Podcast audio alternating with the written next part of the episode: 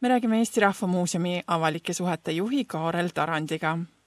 Eesti Rahva Muuseum ehk ERMi uus hoone avati Tartus vähem kui kaks kuud tagasi. milline on selle uuenenud muuseumi nägu nüüd? nägu on uhke ja Eestis ennenägematu, selles mõttes, et Eesti Rahva Muuseum on küll üks vanemaid Eesti muuseume, juba saja seitsme aastane ja tegelenud oma ajaloo jooksul nii kunsti, ajaloo kui etnograafia kui paljude muude valdkondade eksponeerimise ja näitamise uurimisega, kuid praegu on ta keskendunud siis argielu, argikultuuri, olme, Eesti kultuuriloo ja soome-ugri rahvaste ajaloo näitamisele ja eksponeerimisele ja uurimisele. ja saja seitsme aastasena on ta nüüd ka Eesti kõige suurem muuseum ülekaalukalt kui nüüd ette kujutada, et kümme-kaksteist aastat tagasi, kui Eesti sai endale uue uhke kunstimuuseumi, siis oli see suurem ja kõige võimsam muuseum ja täiesti uus kvaliteet Eesti muuseumi elus. nüüd on siis Eesti Rahva Muuseumi uus maja on poolteist korda sellest suurem, kokku siis peaaegu kolmkümmend neli tuhat ruutmeetrit on meil pinda. maja on kolmsada viiskümmend viis meetrit pikk ja seitsekümmend üks meetrit lai, nii et üksjagu ja Austraalia kuulaja jaoks, kus te täpselt siis asute, see uus ja uhke maja? Eesti Rahva Muuseum on oma sünnist saadik tuhande üheksasaja üheksandal aastal asunud Tartus. Ja Tartus asub ta praegu, nii nagu enne teist maailmasõda, kui Eesti Rahva Muuseum tegutses Raadi mõisas, siis nüüdki oleme me täpselt sealsamas kõrval, Raadi mõis ise, mõisa süda, Häärber ja kõrvalhooned on küll varemetes aga selle kõrvale siis teisele poole järve on nüüd siis rajatud uus hoone, ta on linna servas, Tartu linna südamest või Raekoja platsist kõigest kahe kilomeetri kaugusel, nii et võib öelda, et peaaegu kesklinnas. tänapäeva hooneid püütakse tihti keskkonnasõbralikena planeerida, näiteks paigutatakse päiksepaneele katusele või kasutatakse maakütet, et kas ka ERM on niimoodi teinud? selles algses projektis mis eh, sai siis arhitektuurivõistluse käigus välja valitud juba kahe tuhande kuuendal aastal, oli tõesti ette nähtud meile ka maasoojusküte nüüd keskkonnasõbralikest elementidest. kuigi lõpuks see plaan seda ehitada siiski ei realiseerunud, aga üldiselt võib öelda, et et eks Euroopa Liidus ju tervikuna kehtivad eh, uutele hoonetele küllalt eh, ranged energiasäästunormid ja ja, ja uusi tehnoloogiaid tuleb kasutada igal juhul ja, ja seda kõike on ka tehtud, nii et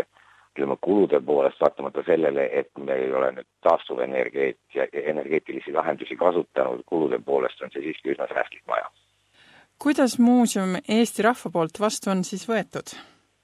no paremini, kui me julgesime loota ja arvata põhimõtteliselt tähelepanu on ikka olnud erakordselt suur sellele, igapäevane uudistevoog Eesti Rahva Muuseumi valmimise ja avamise ja kõige sellega seonduva kohta on olnud väga suur. ja praegu, kui me esimesel oktoobril avasime, siis praegu siis pisut vähem kui kahe kuuga on meil tublisti üle viiekümne tuhande külastaja olnud juba. nii et see teeb esimesel kuul kolmkümmend kaks pool tuhat, tuleb november tõenäoliselt umbes sama suur, nii et kuuekümne tuhande ringis arvestame, seda on rohkem, kui me arvasime ja see on ju lõppude lõpuks ikkagi peaaegu viis protsenti Eesti elanikkonnast juba. Kas on ka olnud mõnda tagasisidet, midagi konkreetset, mida muuseumikülastajad on öelnud?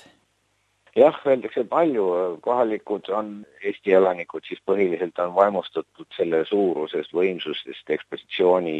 laiaulatuslikkusest, sest tõesti, meie näitused on väga mitmekülgsed, kokku on nad eh, paiknevad kuuel tuhandel ruutmeetril näituseala, noh, seda võib võrrelda umbes jalgpalliväljakuga, nii suur on siis meie ekspositsioonipind et võimas on see mulje ja uhke, vägev, uuenduslik, nii edasi, sellised on põhilised sõnad, mida kasutavad meie kohalikud elanikud selle kirjeldamiseks. Ja ja muidugi tuleb rõhutada, et, tema arhitektuur on ikkagi juba pälvinud ka rahvusvahelist tähelepanu ja on piisavalt eriline selleks, et ka eraldi silma torgata ja silma paista nimelt hoone arhitektuur on meil, võib öelda siis Eestis välismaist päritolu, arhitektuurivõistluse võitis üks Pariisi büroo, mille noored arhitektid siis Dorel Gotme ja Tane on töötavad Pariisis, aga üks neist on pärit Jaapanist, teine Liibanonist ja, ja kolmas Itaaliast, nii et väga rahvusvaheliselt kirju seltskond, kes lõi, ütleme, oludesse sobiva, maastikule sobiva, suhteliselt ikkagi Eestis harva nähtava hoone, mis pälvib ka eraldi sellist rõõmustavat tähelepanu ja eeskätt just praegusel pimedal ajal, kuna ta on täisvalgustuses ja küllalt nii-öelda õhuline klaasist näeb välja siis ja on öösiti valgustatud, et siis just öised vaated on, mis linnarahvast imestama panevad. Rahvusvaheline tagasiside on täpselt samasugune, ikkagi noh, peaasjalikult ju veel kirjeldav, niisugust sügavat, arvustavat, kriitilist tagasisidet ei ole veel palju näituste kohta tulnud ei Eestis ega, ega välismaal, aga, aga niisugune esimesed hinnangud on ikkagi see, et see on väga hästi tehtud, läbimõeldud ja ka tehnoloogiliselt väga uuenduslik näitus, mida me siis nüüd oleme saanud rahvale näidata. me oleme võtnud tõesti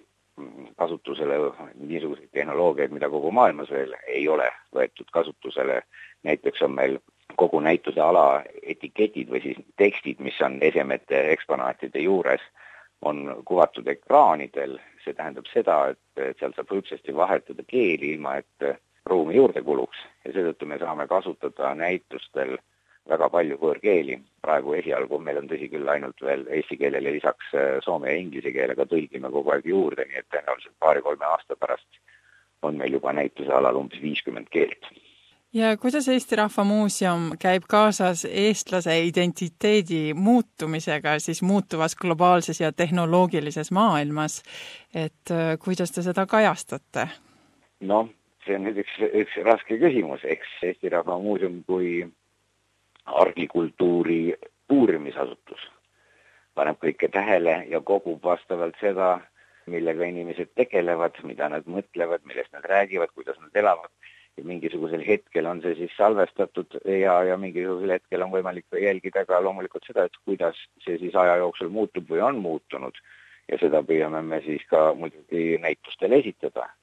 üks suur näitus kannab meil ka pealkirja Ajarada ja see on siis nüüd äh, kronoloogiliselt organiseeritud jääaja lõpust üksteist tuhat aastat äh, tagasi kuni siis tänapäeva ja see käsitleb siis kõiki suuremaid kultuurilisi selliseid murdepunkte läbi eestluse ajaloo. Need murdepunktid on olnud loomulikult äh, samasugused nagu teistel rahvastel, siis ütleme näiteks kiviajast üleminek metalliaega, pronksi ja hiljem siis raua kasutuselevõtt, ristiusustamine, kirjaliku kultuuri algus, moderniseerumine ehk siis noh, ütleme piltlikult siis aurumasina, elu enne aurumasinat ja pärast aurumasinat. Ja, ja Eestis siis erilisena, mis kõigile rahvastele ei ole osaks langenud muidugi, aga mõnele veel peale meie siis näiteks siis raudse eesriide tagune elu ehk siis see kahekümnenda sajandi teine pool, et kus toimusid nagu okupatsiooni käigus väga põhimõttelised kultuurilised nihked ja, ja eluolu muutus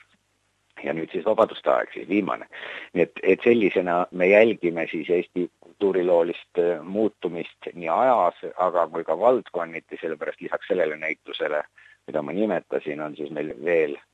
kaksteist teemanäitust, kus me näitame samamoodi, et kui mingisugust konkreetsemat asja, mingit eluvaldkonda, argikultuuri valdkonda, olgu selleks siis näiteks toit või magamine või, või, või taluelu või, või midagi muud et mis siis on muutunud läbi aja ja kuidas ta on muutunud. kuidas avalikkusega peale ainult külastajate ootamise koostööd tehakse? no me ei tegele külastajate ootamisega, vaid igapäevase rõõmsa vastuvõtmisega, loomulikult on Eestis praegu võib öelda ikkagi kultuurielus Eesti Rahva Muuseumi uue hoone avamine keskne sündmus ja, ja, ja inimesi tuleb nii-öelda uksest ja aknast sisse. Aga loomulikult on meil vanad ja põlised traditsioonid muuseumil inimestega koostöö tegemisel, see algab ju lõppude lõpuks ju Jakob Hurdast